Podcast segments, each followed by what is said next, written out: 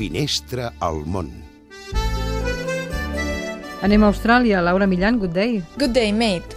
Fa uns dies vaig conèixer un personatge extraordinari.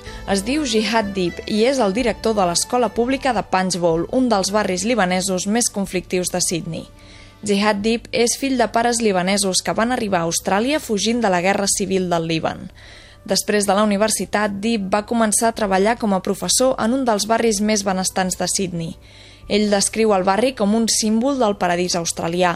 La platja, el sol, els nens rossos d'ulls blaus amb uniforme, les casetes amb jardí i els pares somrients. Però mentre Deep ensenyava en aquesta escola, la situació dels immigrants libanesos empitjorava a pocs quilòmetres d'allà. Així que Deep va decidir canviar de feina i anar a Punchbowl, un barri on regnaven el tràfic de drogues i els tirotejos al carrer. L'escola semblava una presó i els nens es rebel·laven contra els professors.